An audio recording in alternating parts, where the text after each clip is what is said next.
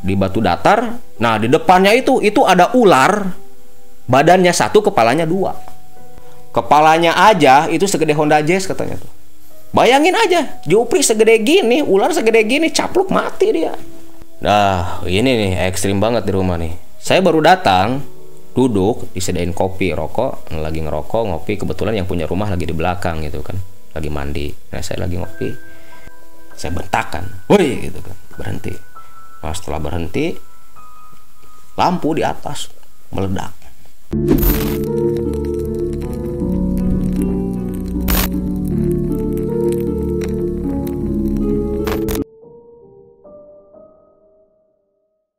Nah kan eh, di video-video sebelumnya kita kan eh, pernah menceritakan tentang pesugihan ya.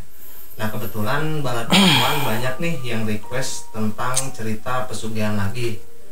Nah apakah Kang Maman masih ada eh, cerita tentang pesugihan ini Kang? Ada, ada kejadiannya baru bukan baru sih, istilahnya eh, saya dapat ceritanya baru gitu kan sekitar satu bulanan lah sebelum Ramadan kemarin. Nah jadi cerita pesugihan kali ini tentang pesugihan apa sih Kang? Pesugihannya pesugihan siluman ular, pesugihan siluman ular. Nah jadi ceritanya seperti apa Kang? Boleh nggak diceritain buat Balan Pakuan? Oke, gini ceritanya gini. Namanya tuh Jupri ya si pelakunya ini. Namanya Jupri dan istrinya Iis. Nah, latar belakang dua orang ini si Jupri sama si Iis ini sebenarnya orang berkecukupan. Nah, jadi e, waktu itu waktu dia datang ke saya dia menceritakan semua kisahnya kan sampai pada akhirnya e, dia terlibat di pesugihan siluman ular. Jadi waktu itu sekitar tahun tahun 2005 katanya tuh. Dia menikah tahun 2005. Nah, waktu setelah menikah, nah si Jupri ini kan pengen punya usaha. Nah, dia pinjam uang ke bank dengan jaminan rumah. Kebetulan memang setelah menikah mereka punya rumah sendiri. Udah nabung duluan gitu kan. Nah, jadi jaminannya itu sertifikat rumah dia pinjam uang ke bank buat modal usaha. Nah, buka usahanya karena berhubung di tempat dia tinggal itu daerah pertanian. Jadi dia itu buka usaha sejenis apa ya? Pengepul lah. Pengepul hasil-hasil bumi gitu kan. Si Jupri ini sama Iis.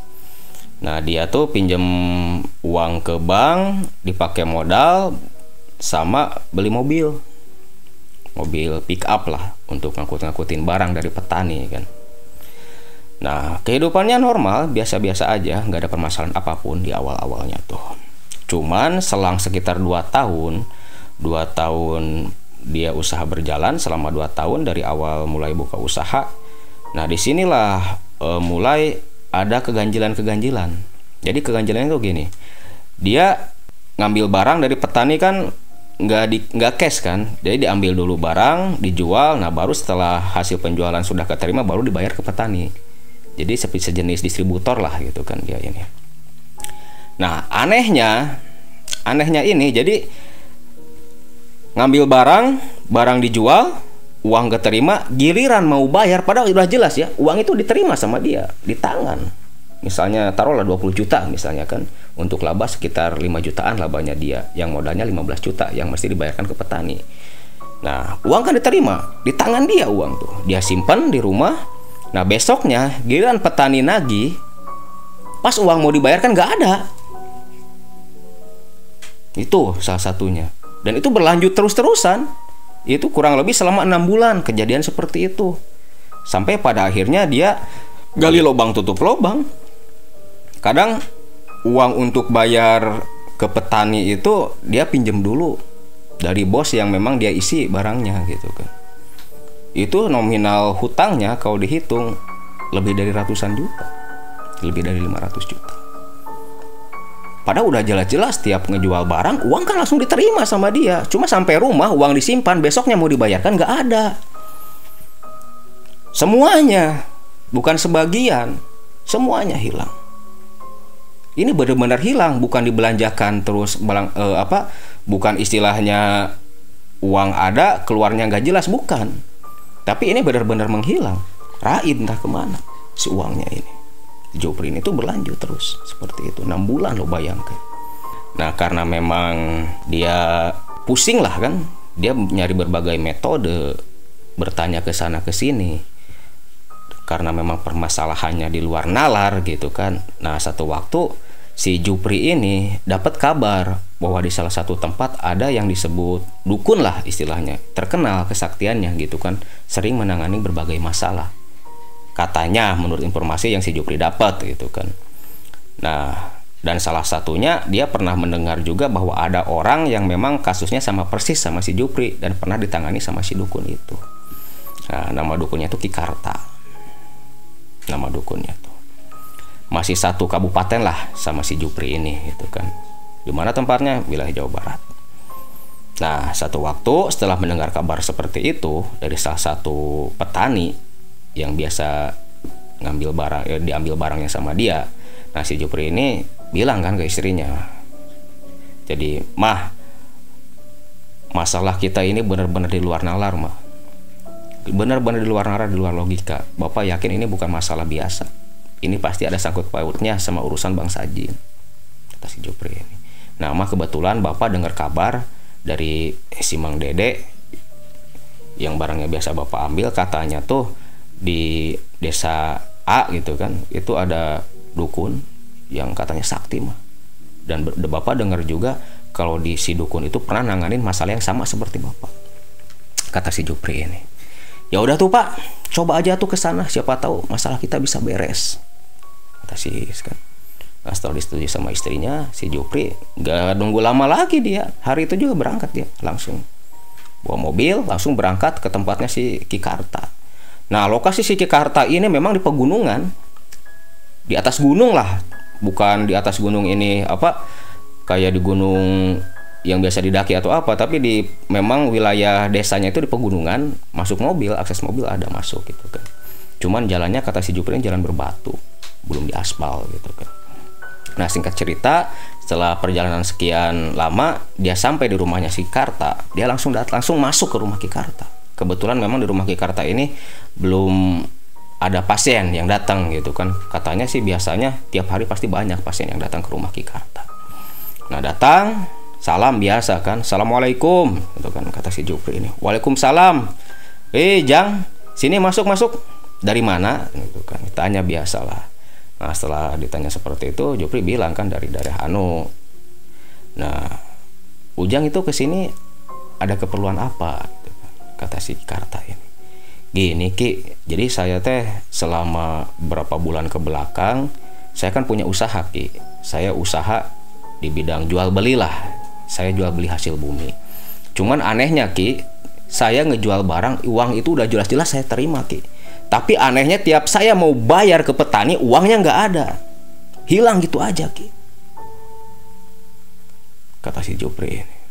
Lagi Karta juga agak terdiam dulu gitu kan terdiam ya istilahnya terdiam di sini tuh mungkin kalau bahasa Sundanya ngimpleng lah nerawang gitu kan kalau bahasa praktisi nerawang nah, setelah sekian lama dia terdiam si Karta oh gitu terus ada masalah apa lagi ya cuma itu doang sih Ki yang jadi masalahnya sekarang saya tuh tiap bayar ke petani itu uang hasil minjem Ki pada akhirnya saya bukannya tambah kaya bukannya tambah e, laba yang ada malah tambah ngutang tambah utang Jangankan laba, modal aja nggak ada ki.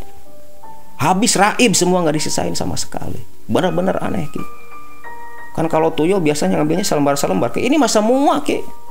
Tiap saya jual barang, tiap mau bayar uang pasti raib semua.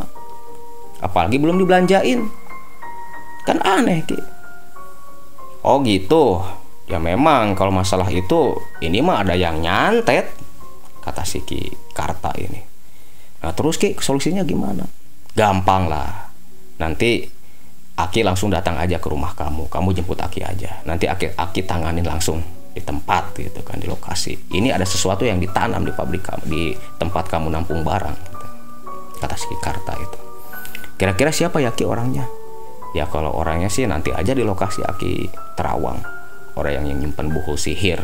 Kalau menurut kalau kata saya buku sihir, kalau kata dia tuh katanya uh, tanaman lah gitu kan nggak tahu tanaman apa gitu kan nggak tahu kaktus tahu apa cuman katanya ada yang nanam lah di pabriknya itu eh, bukan di pabrik di gudang lah gudang tempat dia nyimpen hasil bumi gitu kan kata si Kikarta ini.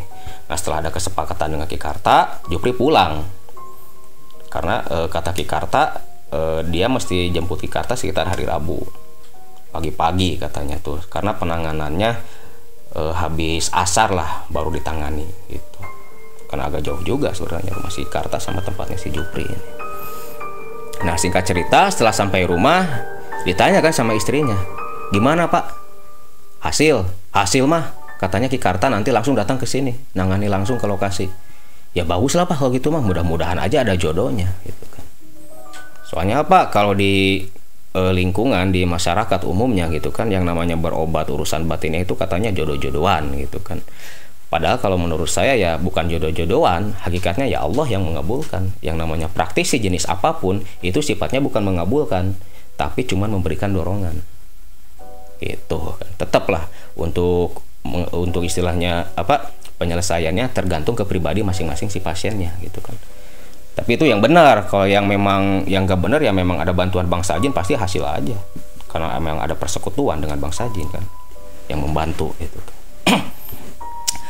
Nah setelah hari Rabu dia berangkat pagi-pagi ke rumah Kikarta jemput kan. Nah singkat cerita sampai ke rumah si Jupri Kikarta langsung minta diajak ke lokasi gudang. Memang agak jauh gudangnya dari rumahnya si Jupri ini agak jauh. Nah setelah sampai lokasi gudang, itu Ki Karta baru masuk halaman gudang, dia udah kayak orang mau muntah. Ki Karta ini. Sampai Ki Karta eh, diam eh, jongkok lah dia, sampai jongkok dia si Ki Karta ini. Wah, Jang, parah ini mah. Ini bukan santet sembarangan, Jang. Masih untung ini cuma usahanya doang. Kalau sampai kena ke kamu, mati kamu, Jang. Oh Jupri kaget kan dengar uh, perkataan seperti itu. Wah yang benar ki, benar ini. Lihat aja Aki sampai jongkok gini. Kalau nggak Aki, kalau protek Aki nggak kuat, Aki udah tepar sekarang juga. Udah tumbang sekarang juga. Tapi kamu santai aja. Ini urusan Aki. Kamu tahu beres aja. Kata si Karta. Nah setelah itu nggak tahu baca apa cuman kata si Jupri ini kayak orang lagi silat lah si Kikarta gitu kan. Mungkin buka jurus atau apa saya kurang ngerti gitu kan. Nah setelah bersilat sekitar lima menit itu kan si Kikarta ini wah, langsung masuk ke dalam gudang. Mungkin lagi berkelahi lah sama hodam jinnya atau apa gitu kan kurang tahu saya. Masuk ke lokasi gudang langsung dia gelar tikar. Wah memang komplit peralatannya. Tempat bakar buhur udah ma udah bawa buhurnya segala macam udah dia siapin.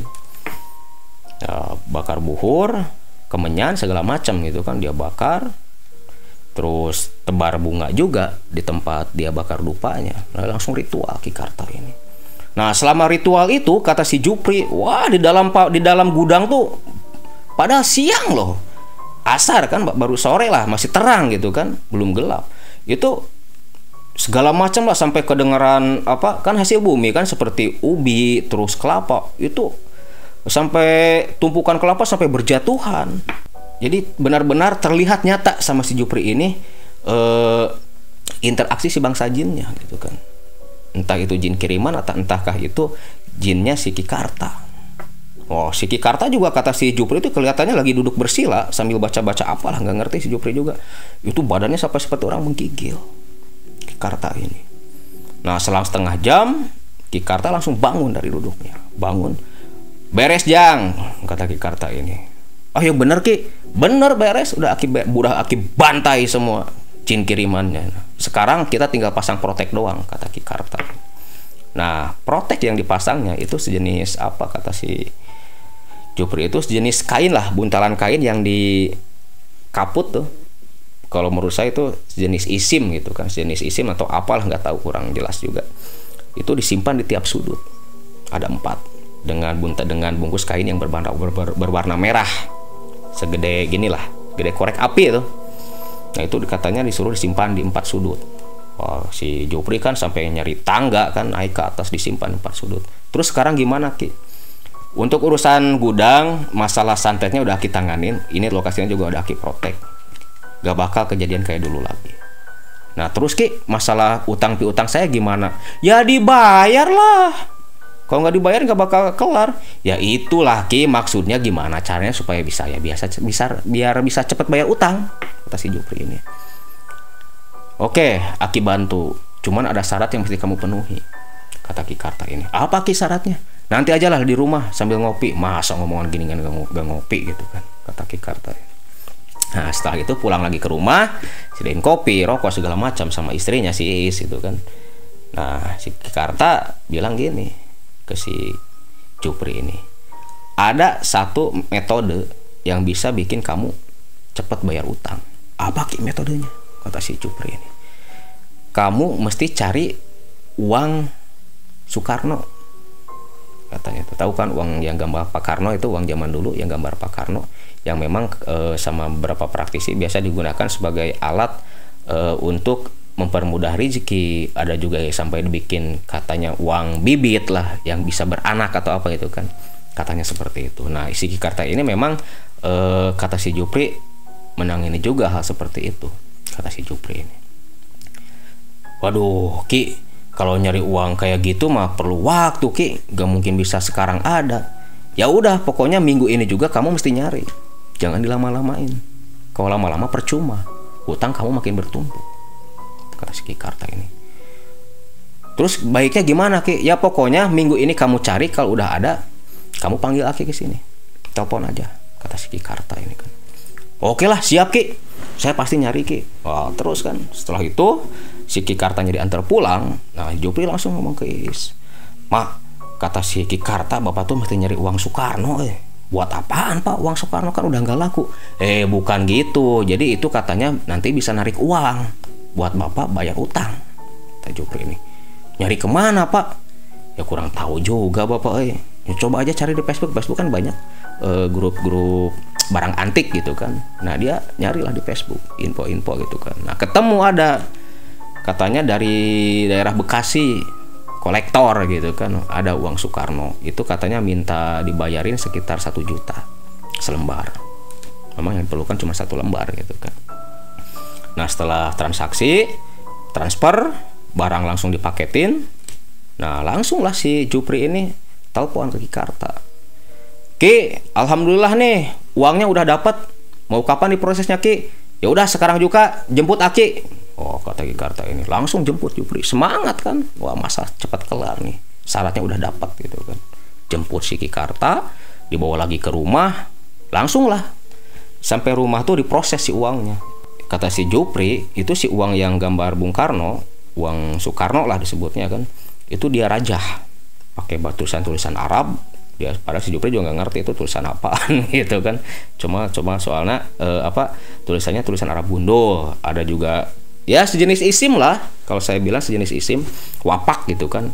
Itu uang 100 uang gambar Soekarno yang nominalnya satu rupiah atau sepuluh rupiah gitu ya lupa lagi saya. Itu ditulis Arab pinggir-pinggirnya empat sudut. Terus ada garis-garis juga ada angka sama huruf-huruf hijaiyah. Huruf huruf hijaiyah sama angka dari angka Arab gitu kan. Ya sejenis isim lah saya pahamnya itu jenis isim gitu kan. Nah nanti kata si kata ini ini uang kamu bungkus pakai kain. Uang ini kamu bungkus pakai kain kamu simpan di dalam lemari. Tapi lemarinya mesti kosong dan di atas uang ini yang dibungkus kain kamu simpan uang 100 ribu satu lembar. Sama minyak japaron. Kata si kata ini lah itu untuk apaan ki? Kan itu buat sampel. Buat sampel biar si Hodam nyari uang yang bentuknya sama persis Oh berarti jinnya goblok gitu kan. Gak tahu uang 100 ribu Mesti dikasih sampel dulu kan. Gitu. Nah terus gimana Ki? Pokoknya si lemari itu nggak boleh dibuka sebelum 40 hari. Setelah 40 hari baru boleh dibuka. Nanti uang sudah bertumpuk di dalam lemari. Oh yang bener Ki? Ya bener lah. Aki kan sering nanganin kayak gini Kata Ki Karate Wah semangat kan Jupri. Cuman modal 100 ribu.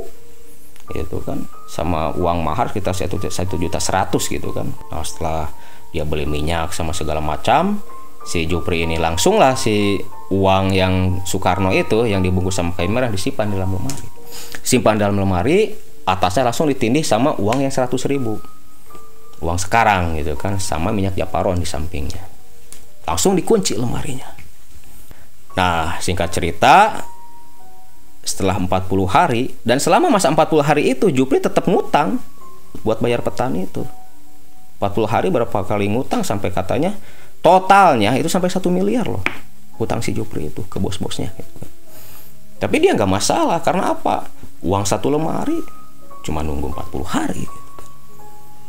Pas hari ke 40 dengan semangatnya si Jupri oh, mah siap-siap siap-siap apaan pak? Ngitung duit kata si Jupri ini. Emang udah bisa dibuka pak? Bisa nanti jam 10 malam katanya Memang kata si Kikarta ini boleh dibukanya jam 10 malam setelah hari ke-40. Berarti hari ke-41. Nah hari ke-41 dibuka jam 10 malam kosong. Gak ada apa-apa. Gak ada apa-apa. Uang 100 ribu doang. Tetap gak ada apa-apa. Lemas Jupri kan. Yang udah semangat. Istrinya udah disuruh siap-siap ngitung duit. Pas dibuka lemari yang ada cuma duit 100 ribu selembar gitu kan. Gak nambah. Lemas Jupri dong. Wow, setelah itu langsung dia cepat-cepat nelfon ke Jakarta. Ki, gimana nih Ki? Aki ini saya andelin kok malah ngibul. Katanya bisa nambah tuh uangnya. Nambah apaan Ki? Masih tetap aja cuma 100 ribu gak nambah-nambah. Ah yang bener, masa sih nggak nambah? Beneran Ki, kamu percaya Aki ke sini dah. Kata si Jupri kan. Wah, katanya selang berapa jam si Kartanya datang, Pak Ojek. Minta dibayarin ya ongkosnya minta dibayarin si Jupri gitu kan. Nah setelah Jupri bayar ongkos ojeknya si Karta kan langsung ditarik sama Jupri. Karena di enggak juga marah Jupri dong. PHP dibilangin katanya uang selemari dibuka nggak ada apa-apa. Ditarik si Karta bawa ke kamar. Lihat Ki. Katanya uang satu lemari satu lemari apaan? Yang ada uang selembar di lemari mah iya gitu kan. Sambil ngebentak juga si Jupri ini. Tuh lihat sendiri Ki. Wah, si Kikarta terdiam kan. Kok bisa ya? Padahal biasanya itu jadi penuh uang gitu kan. Ah yang bener aja Ki kalau ngomong. Kalau misalnya nggak bisa bilang aja nggak bisa Ki. Eh bukannya gitu, memang biasanya seperti Ki, seperti itu. Biasanya ini uang ngelipat kata si Kikarta ini. Ini Aki juga aneh nih masa sampai bisa kayak gini.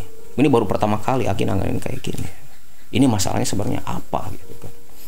Udah ke ruang tamu dulu, kita ngomong dulu tapi Karta itu setelah ke ruang tamu si Karta ini bilang gini ke si Jupri kamu sabar jangan dulu marah aki proses lagi. Kunci lagi itu lemari minyaknya ganti. Kalau minyak diganti besoknya kan besoknya minyak diganti lemari dikunci lagi. Cuman setelah kejadian itu si Jupri nggak terlalu berharap takutnya sakit hati. Lemes kayak semalam gitu kan. Kecewa lagi takutnya gitu kan. Tapi tetap aja dilaksanain apa yang diperintahkan sama Ki Karta. Nah, masalah itu belum kelar, si Jupri dapat masalah lagi. Yang sifatnya urusan yang sifatnya batiniah juga. Masalah apa? Nah, di tempatnya si Jupri itu ada satu pasangan suami istri yang memang terkenal sebagai tukang santet. Kata orang-orang di sekitar, terkenal sebagai tukang santet. Udah tua, sekitar umur 70-an lah si suami istri ini. Nah, satu waktu sebut aja eh, si istrinya ini namanya Bu Ijah ya, sebut aja Bu Ijah. Gak apa-apa, nama samaran kan, sebut aja Bu Ijah. Nah, satu waktu si Bu Ijah ini udah bungkuk loh. Umur 70 bungkuk wajar kan udah tua. Sambil terbungkuk-bungkuk pagi-pagi datang ke rumah si Cupri. Jang, Jang, Assalamualaikum kata si Bu Ijah ini. Nah, keluar Jupri kan eh nek ada apa nih nek? Tumben datang ke sini. Gini Jang ibu teh dulu pernah pinjam uang sama si Neng. Nah kebetulan ibu ada rezeki ibu mau bayar kata si Bu Ijah ini. Oh gitu memang kapan pinjamnya saya nggak tahu. Ya pasti nggak tahu lah Jang Jupri mah. Orang dulu saya pinjamnya sama si Neng doang. Di rumah nggak ada siapa-siapa kata si Bu Ijah ini. Nah diberilah uang 100 ribu selembar. Dari si Neija itu memang dia pinjamnya dulu 100 ribu. Pinjam uang katanya buat beli beras kata si Bu Ijah ini. Nah setelah uang diterima sama si Jupri Jupri ngerasa ganjil. Ngerasa ganjilnya kok apa benar sih si Bu Ijah ini pinjam uang ke istri? Setahu saya si Bu Ijah nggak pernah. Jangankan pinjam uang bertamu pun nggak pernah memang si ibu pasangan suami istri ini si Bu Ija sama suaminya ini eh, jarang bersosialisasi lah dengan masyarakat gitu kan. Rumahnya pun agak terpencil. Agak terpencil itu jadi di pojokan gitulah di kampungnya si Jupri ini. Agak jauh dari rumah warga yang lain. Dan katanya si Jupri kan pendatang di sana dan katanya kata orang-orang di situ itu si Ibu Ija sama suaminya itu katanya dulunya pernah jadi dukun santet walaupun sekarang nggak buka praktek. Katanya tuh nah setelah itu istrinya kan lagi nggak ada lagi keluar. Nah setelah tengah hari istrinya kan datang mak emang bener deh si Bu Ijah pernah pinjam uang? Loh kapan pinjam uang? Setahu mama nggak pernah pinjam uang si Bu Ijah mah. Emang kenapa pak? Tadi pagi-pagi si Bu Ijah datang ke sini katanya bayar utang nih pernah pinjam uang ke mama. Berapa? 100 ribu? Wah, perasaan mama mah gak pernah pinjam uang dia, Pak. Gak pernah, jangan pinjam uang. Namu aja ke kita gak pernah. Pinjam uang dari mana gitu kan. Kata si Iis ini. Lah terus hati-hati loh, Pak. Kan Bapak tahu sendiri. Si Bu Ija itu kan katanya pernah jadi pernah jadi dukun santet dulunya. Jangan-jangan kita bakal disantet nih. Jangan-jangan kita jadi tumbal nih, kata istrinya tuh. Ya udah tuh, Mak. Gimana tuh ini uangnya? Ya udah simpan aja, nggak usah dipakai kata si Is ini disimpan lah si uangnya itu nggak dipakai nggak berani pakai soalnya takutnya itu uang buat tumbal pikiran si Is sama Jupri itu karena ya wajar lah punya uh, kecurigaan seperti itu. Karena apa? Memang pertama pernah dengar cerita bahwa si ibu Ija ini mantan dukun santet yang keduanya nggak ada angin nggak ada hujan kok bayar utang padahal nggak pernah pinjam gitu kan. Curiga wajar kan karena memang ganjil. Nah selang berapa hari si uang itu kan nggak dipakai. Nah waktu itu si Iis pak sekarang kan hari Jumat bapak kan Jumatan ke masjid. Nah itu uang yang dari si Bu Ija masukin aja ke kotak amal. Kata si Iis ini. Oh iya benar juga ya mak. Iya pak biar nggak jadi apa-apa ke kitanya. Biar nggak ada masalah kata si Iis ini. Ya udah tuh nanti aja. Bapak ke masjid bapak masukin kotak amal. Kata si Cupri kan. Nah singkat cerita Jumatan jam 11 berangkat ke masjid kan. Nah uang si 100 ribu itu dia masukin ke kotak amal.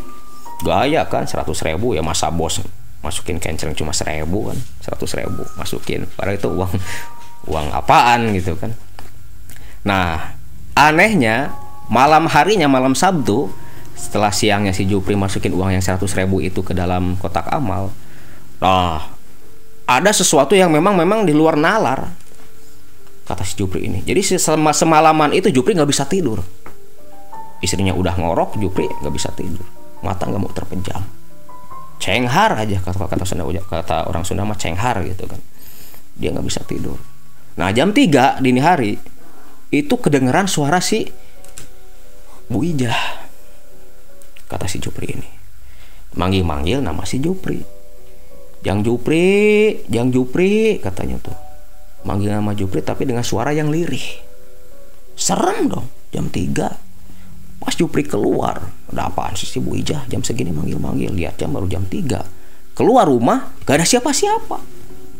Wah di samping mungkin ke samping rumah gak ada orang. Ah, halusinasi, halusinasi kali kata si Jupri kan. Masuk lagi dia ke rumah. Terdengar lagi setelah dalam rumah. Jang Jupri Jang Jupri tolongin emak jang kata si Bu Ijah ini. Suara si Bu Ijah kan kedengaran sama si Juprinya keluar lagi gak ada orang. Sampai ngelilingi rumah si Jupri ini saking penasarannya karena setelah ngelilingi rumah ternyata gak ada orang masuk lagi. Sampai tiga kali terdengar suara panggilan itu. Nah setelah itu Jupri gak berani keluar yang ketiga kalinya. Kenapa? Udah ngerasa aneh dia bulu kudik udah merinding bulu-bulu udah pada berdiri. Dia bangun istrinya mak mak ada apa sih pak? Dengerin mak dengerin. Loh kok karena suara kayak suara si Bu Ija? Ya iya makanya keluar tuh pak dicek. Dicek apaan? Udah, udah dua kali bapak ngecek keluar nggak ada siapa-siapa. Aduh pak gak bakal ada apa-apa nih. Nggak tahu lah mah. Duh, diam aja diam aja gitu kan kata si Joper itu. Nah nggak berani keluar diam sampai setelah azan subuh jam 5 kedengaran dari masjid innalillahi wa inna ilaihi rajiun telah meninggal dunia. Si Bu Ijah meninggal. Wah banyak orang ngelayat. Cuman Jupri di sini aneh kan? Mak apa mungkin yang semalam manggil-manggil bapak tuh arwahnya si Bu Ijah? Lah masa sih pak? Itu buktinya si Bu Ijah meninggal berarti semalam kalau misalnya orang kan kalau bapak keluar pasti ada di luar. Itu kan nggak ada cuma suara doang. Nah, berarti itu arwahnya si Bu Ijah dong mak. Wah bapak jangan nakut-nakutin mama lah. Eh serius mak. Kalau bukan arwah Bu Ija apalagi ya tuh kata si Jupri ini. Udahlah nggak usah dibahas kata istrinya. Karena takut juga kan istrinya karena sering ditinggal pergi sama suaminya kan. Jarang di rumah kadang si Jupri ini nah setelah melayat segala macam itu kan proses penguburan jenazah sampai selesai Jupri pulang lagi ke rumah. Gimana pak? Ya meninggal kayak meninggal wajar sih mak. Cuman anehnya tuh raut mukanya kayak orang kesakitan kata si Jupri ini. Terus pak gak bakal ada kejadian apa-apa nih? Ya kita berdoa aja lah mak. Mudah-mudahan gak ada kejadian apa-apa gitu kan anehnya selang tiga hari setelah si Bu meninggal si Is ini sakit mendadak. Dan sakitnya ini aneh. Anehnya apa? Kalau mau berobat ke dokter mendadak sembuh. Dari perjalanan ya di jalan gitu kan sakit terasa. Seperti ditusuk-tusuk terus perut seperti orang sembelit gitu kan. Tapi sampai ke dokter normal dia. Sampai dokternya pun bingung. Lah ibu datang ke sini berobat katanya sakit tapi kok saya tanya sekarang ibu nggak kerasa apa-apa. Ya itulah dok anehnya. Tadi waktu dari rumah sakitnya bukan main dok. Ini perut kayak orang sembelit, kayak orang ditusuk-tusuk. Sakit banget dok. Tapi kok aneh ya sekarang kok nggak kerasa apa-apa kata si Is ini. Aduh si ibu mah ini main-main aja. Ya udah mungkin itu sakit lambung biasa kata si dokternya kasihlah resep obat sakit lambung gitu obat mah mungkin setelah ngambil resep dokter sampai rumah terasa lagi. Dan itu terus-terusan seperti itu. Tiap mau berobat pasti sembuh. Pulang dari e, praktisi pulang dari dokter atau apa pun yang dia tuju untuk berobat pasti terasa lagi. Waktu di lokasi nggak kerasa apa-apa. Nah mulai kan berpikir negatif. Jopri Amais ini apakah mungkin gara-gara uang yang dimasukin ke kotak amal? Pikiran si Jupri sama Is ini masalah kan berturut-turut. Udah uang 100 ribu yang ngelipat satu lemari nggak jadi.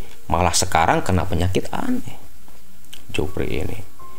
Nah setelah itu sampai tiga tahun loh istrinya si Jupri sakit seperti itu. Berobat ke mana pun nggak ada efek apa pun.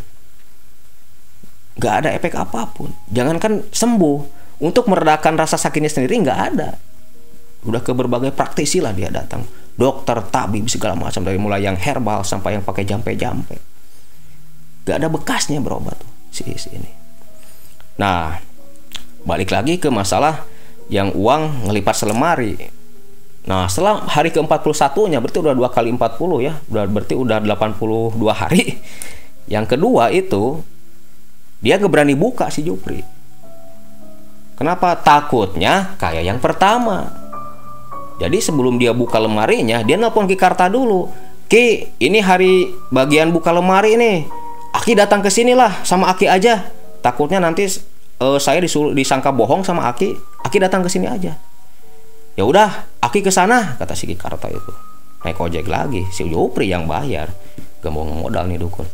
Bayarin sama si Jopri, langsung bawa ke kamar. Coba sebelum buka akhir ritual dulu lah ritual maksudnya ritual sini baca-baca apa gitu kan biasa pakai Bismillah juga kata si Jupri ini. Nah buka kunci jong lagi. Karta udah sampai geleng-geleng kepala Ki Karta ini. Aneh bener-bener aneh. Baru kali ini udah dua kali sampai gagal kata Ki Karta ini. Ya sudah nanti aja kita bahasnya. Udah diam kamu jangan ngomong apa-apa ke si Jupri ini. Jupri emang udah kelihatan kayak orang marah. Kenapa merasa dipermainkan lah nunggu 80 hari itu bukan sebentar loh hampir tiga bulanan kan Jupri ini. Nah, setelah itu Ki Karta bilang gini ke si Jupri. Pri kamu nggak ada bagian untuk urusan seperti ini. Loh maksudnya Ki yang namanya ginian kan jodoh-jodohan Pri. Kayaknya kamu nggak ada jodoh. Ya kalau nggak ada jodoh kenapa Aki gak, gak bilang aja dari awal gak bakal saya nunggu-nunggu kayak gini Ki. Saya hutang semakin bertambah sekarang. Gimana sih Aki ini? Kata si Jupri ini kan. Kecewa Jupri kan.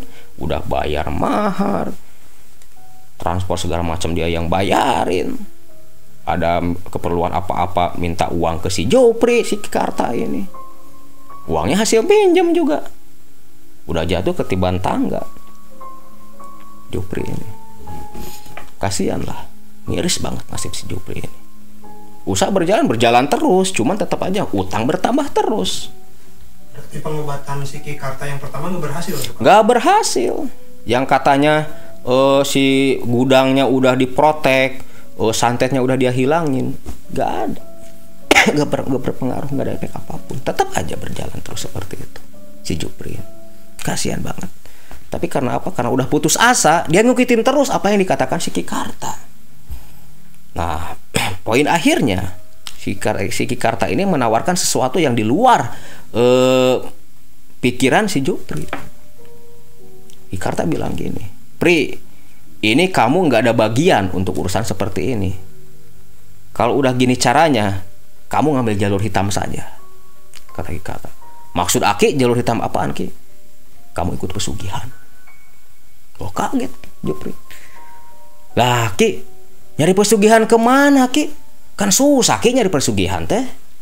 Kata si Jupri ini kan. Ada di Aki. Yang penting kamu siap. Siap gimana Ki? Siap resikonya. Kamu tahu sendiri yang nama resiko ikut pesugihan itu seperti apa. Kamu siap numbalin nggak gitu kan? Lah siapa yang mau ditumbalin Ki? Orang saya aja belum punya anak gitu kan. Gampang, gak usah keluarga ini mah. Cukup orang lain yang kamu tumbalin. Kata si Kikarta ini. Pesugihan apa Ki?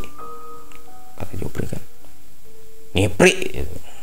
Nah, ngipri itu kan pesugihan siluman ular biasanya e, menikah dengan siluman ular atau melakukan persetubuhan dengan siluman ular sebagai syarat pertamanya. Tapi benar nih Ki, tumbalnya nggak perlu keluarga, nggak perlu ini mah. Aki yang tangani langsung, Aki yang tanggung jawab. Soalnya kalau orang-orang yang seperti kamu yang nggak cocok sama metode yang pertama, pasti Aki tawarin yang kayak gini. Udah banyak yang Aki suksesin dengan cara seperti ini, kata Ki Karta.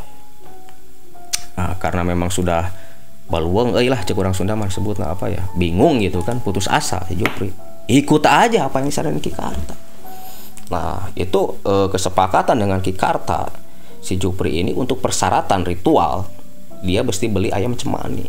Ayam cemani kan bukan ayam murah. Yang kecil aja 10 re- 10 juta kan yang kecil.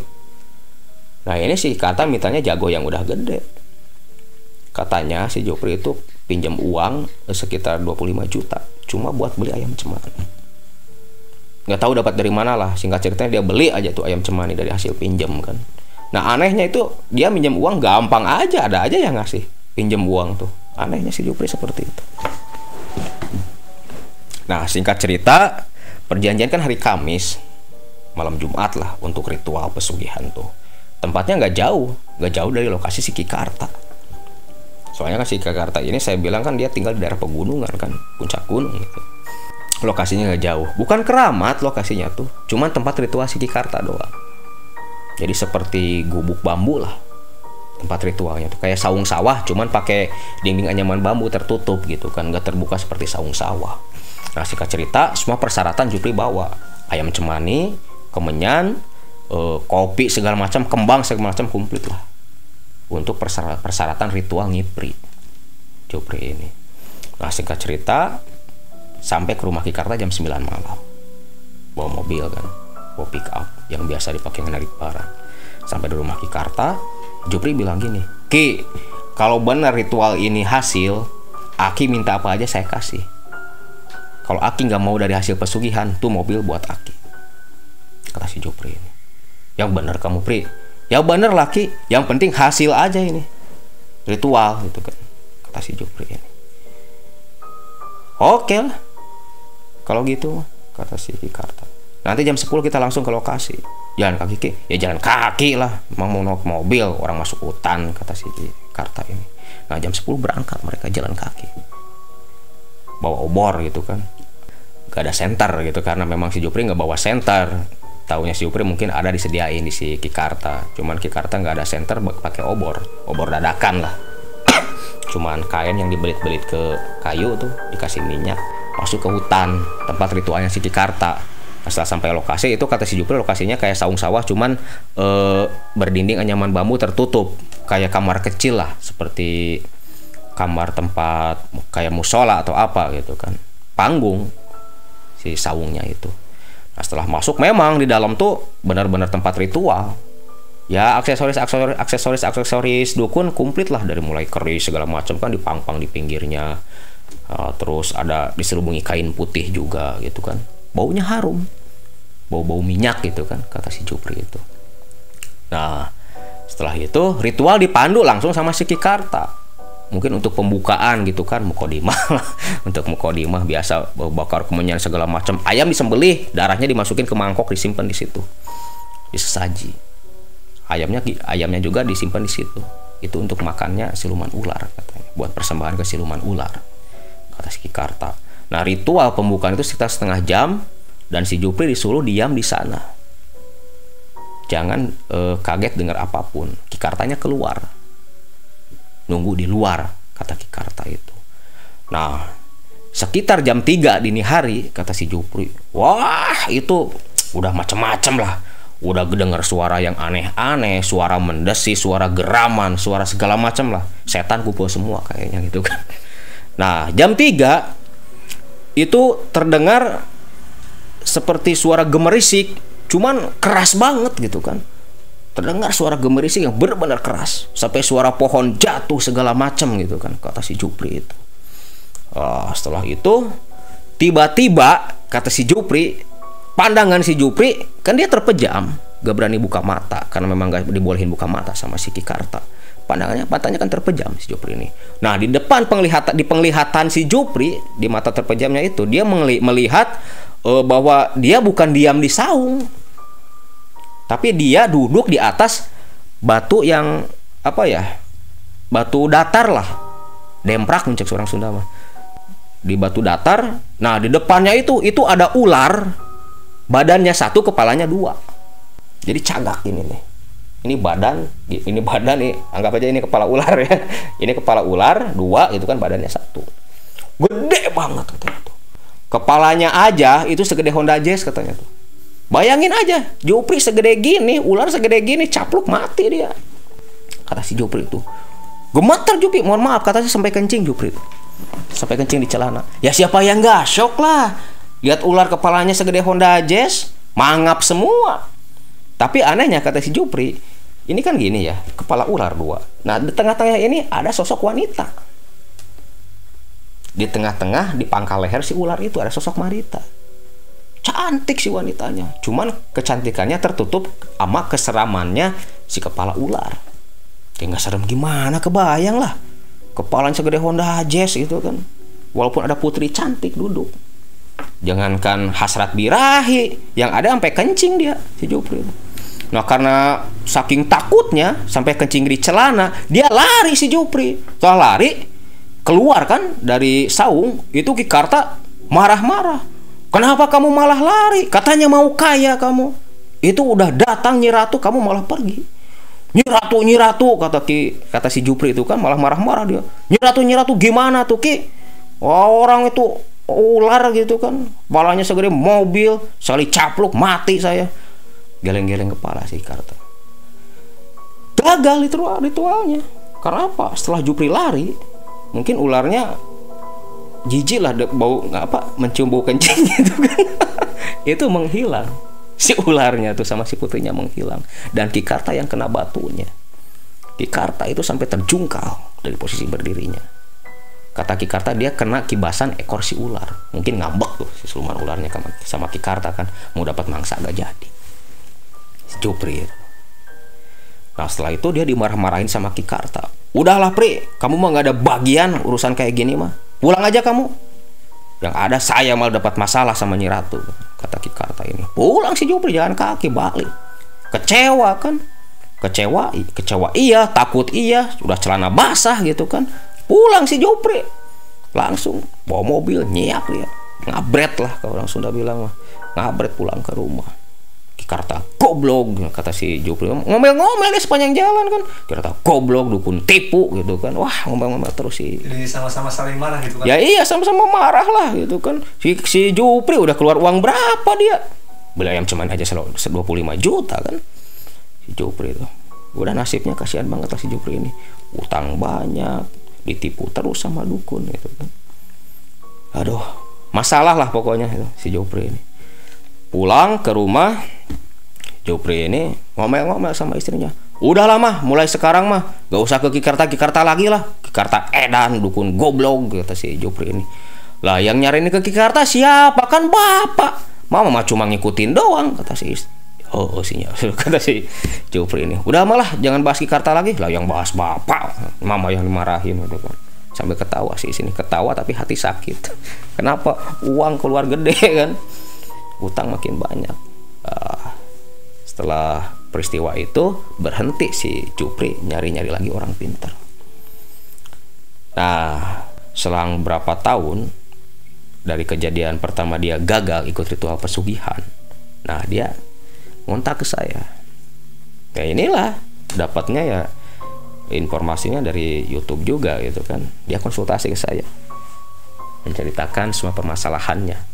Nah, saya tahu kan dari situ cerita si Jupri dari awal pertama uh, kena santet usahanya ditangani Ki Karta sampai bikin uang bibit ikut pesugihan gagal gitu kan. Dia cerita ke saya semuanya. Kang gimana ini masalah saya Kang? Yang datang ke saya hari Sabtu waktu itu. Dia ke, eh, dia datang ke saya sekitar jam satu siang lah.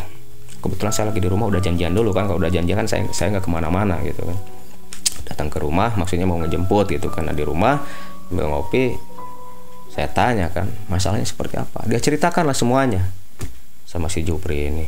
Saya sampai geleng-geleng kepala baru kali ini gitu kan. Baru waktu baru kali itu saya dengar kejadian seperti itu. Sampai ada orang gagal ikut ritual pesugihan sampai kencing di celana gitu kan. Kondisi istrinya sendiri pas waktu si Jupri ke Maman itu seperti apa kan kondisi istrinya kebetulan istrinya nggak ikut di rumah. Itu kondisinya lagi sakit istrinya Berarti itu. masih gitu kan? Masih tetap aja berlanjut. Makanya kata si Jupri tuh Kang saya tuh kayak orang paling apes di dunia ini. Apes gimana? Coba aja Kang pikir.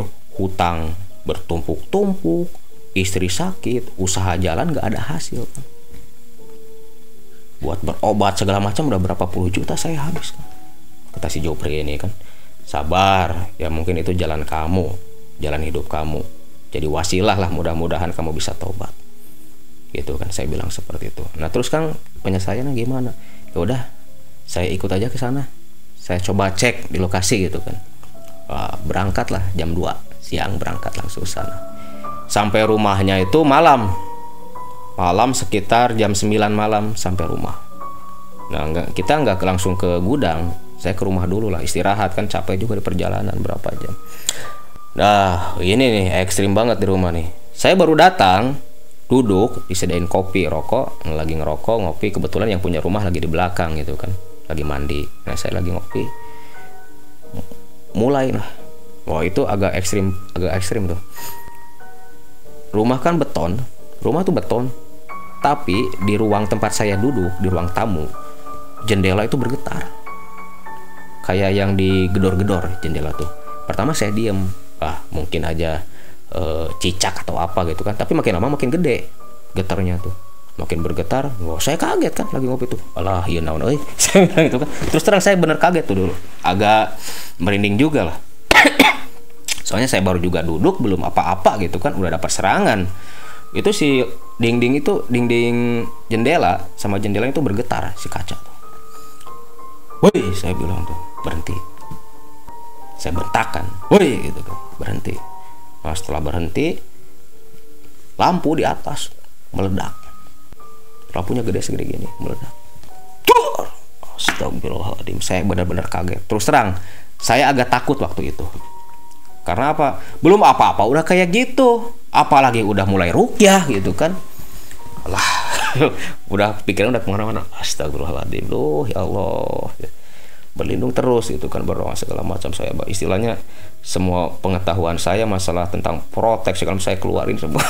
Soalnya baru pertama kali lah baru datang belum apa apa udah kena serangan kayak gitu. Ekstrim lah lampu sampai meledak. Lampu meledak gelap kan. Nah anehnya yang tuan tuan rumah yang punya rumah diam diam aja dia gak nyamperin ke saya.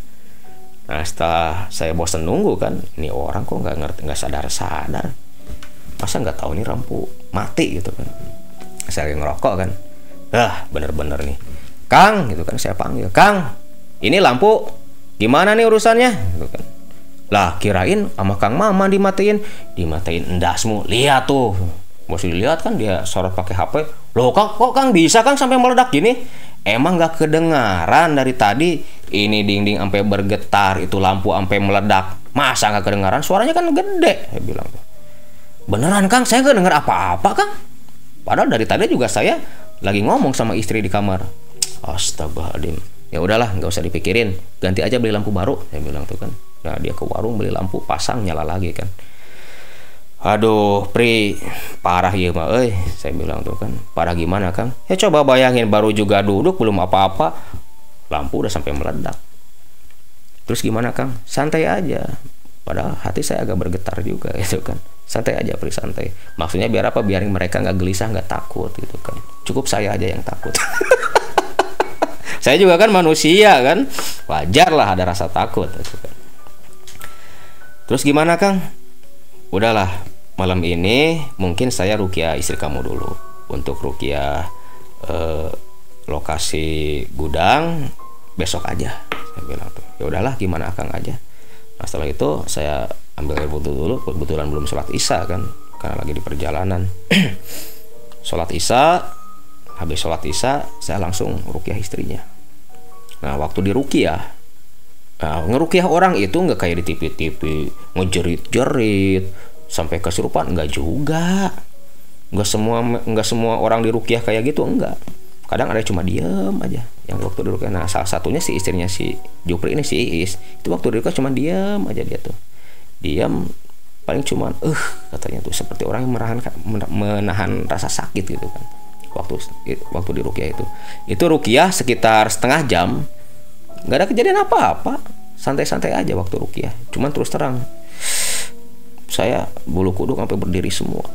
Bulu kuduk bulu bulu tengkuk bulu tangan bulu kaki enggak nah setelah selesai rukiah setengah jam coba berdiri teh gitu kan. Coba berdiri teh. Nah, berdiri gimana rasanya sekarang? Agak mendingan kang. Agak hampang eh gitu kan.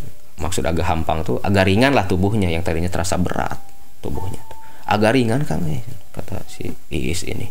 Ya syukur. Nah duduk duduk. Coba ambil air aja di gelas. Air saya bacakan doa-doa tertentu. Dia minum kan setelah minum air putih.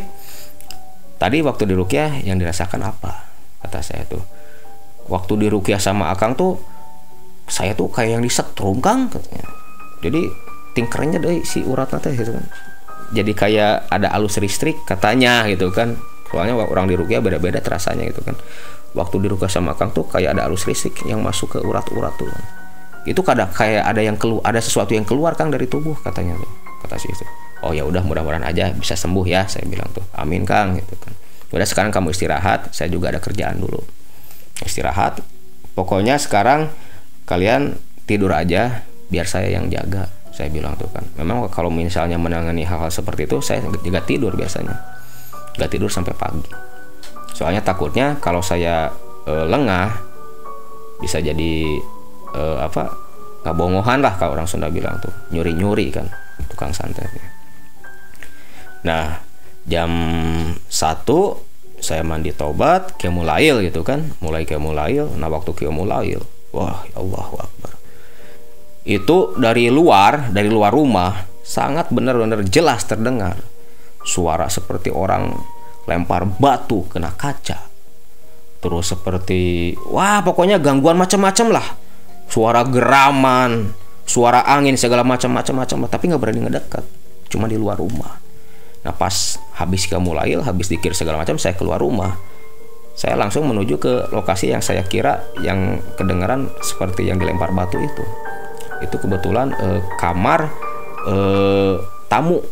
Tapi bukan yang saya tempati kamar tamu yang lain itu. Kamar tamunya kan ada dua. Pas saya keluar nggak ada bekas apa pun. Padahal saya dengar dengar dengar jelas banget waktu saya sholat itu seperti di depan. Suara kaca dilempar batu. Nah setelah itu saya duduk kan diam sambil berzikir nunggu takut-takutnya ada serangan lagi. Tapi setelah itu nggak ada serangan apa-apa. Nah paginya jam 7 pagi saya minta langsung diantar ke lokasi gudang. Nah, singkat cerita, sampai di lokasi gudang, masuk ya memang terasa banget hawanya beda gitu kan. Panas banget terasa sama saya tuh. Eh, walaupun dipasang kipas angin gitu kan tapi nggak terasa angin tuh sama saya tuh kalau masih Jupri sih kerasanya biasa-biasa aja tapi pas saya masuk tuh panas saya seperti diam di pinggir api unggun lah bayangin sendiri panasnya seperti apa Waduh, parah saya bilang nih. Parah gimana Kang? Kata si Jupri ini. Ini parah Pri, ini dipasang protek katanya Pri. Ya dulu sih dipasang Kang, itu proteknya kayak buntalan kain Kang, segede korek api. Coba kamu cabut, di mana nyimpennya? Itu Kang di tiap sudut. Ambil, saya bilang tuh kan. Nah, nyari tangga diambil sama si Jupri. Sini, mau diapain Kang? Mau saya bongkar, tuh kan. Bawa pisau, bawa pisau dia. Dia saya buka, Nih kamu lihat apa isinya. Apaan kan? Lihat aja. Isinya apa? Itu cuma buntalan kertas kosong. Ini yang disebut protek. Kamu ini mau-mau aja ditipu sama orang gitu. Ya kan saya nggak tahu Kang. Nih buktinya. Coba lihat. Ah bener-bener Kang. Saya malah lagi bener-bener berobat butuh pertolongan. Eh malah ditipu kayak gini. Udah jadi jadiin pelajaran aja. Saya bilang tuh jangan terlalu percaya dengan hal seperti itu apalagi metode metodenya di luar syariat Islam jangan terlalu dipercaya saya bilang tuh kan itu semua yang empat yang buntalan kain merah itu isinya kertas kosong doang kertas putih kosong nggak ada apa-apa ini protek apaan gitu kan apa yang dipasangnya cuma kertas doang. Anak SD juga bisa buntal-buntal kertas jahit aja pakai kain kecos gitu kan istilahnya tuh. Astagfirullahaladzim. Terus ini gimana kang? Udah sekarang juga saya rukiah lokasinya. Ya saya sholat tobat dulu di sana di lokasi. Sholat tobat sholat hajat langsung rukiah. Gak usah diceritakan ya proses rukiahnya seperti apa. Rukiah biasa aja. Rukiah nah setelah itu kalau saya kan e, untuk buhul sihir saya nggak pernah gali jadi langsung dihancurkan secara ruhani. Biar apa? Biar nggak ada ketakutan ke si pasiennya biar nggak ada timbul fitnah juga jadi mikir yang enggak enggak kan. Pasien tuh kalau sampai buhul-buhul sihir diperlihatkan gitu kan. Saya hancurkan langsung yang penting kamu bisa beres saja masalah saya bilang nah, setelah dirukyah pembersihan segala macam terus pasang proteknya. Maksudnya apa pasang protek tuh?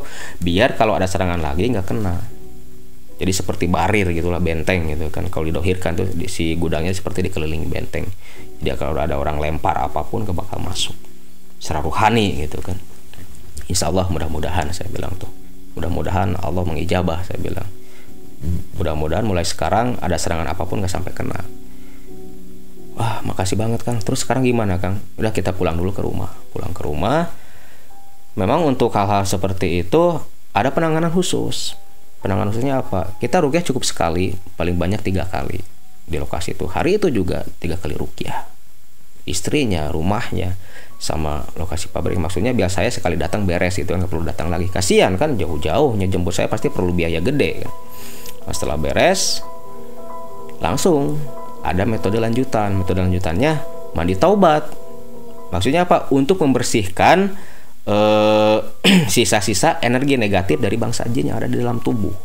Saya kasih metode pengobatannya, saya bimbing selama 40 malam untuk membersihkan eh, sisa-sisa energi negatif dari bangsa jin yang ada di dalam tubuh si Juprinya sama si Isnya gitu kan.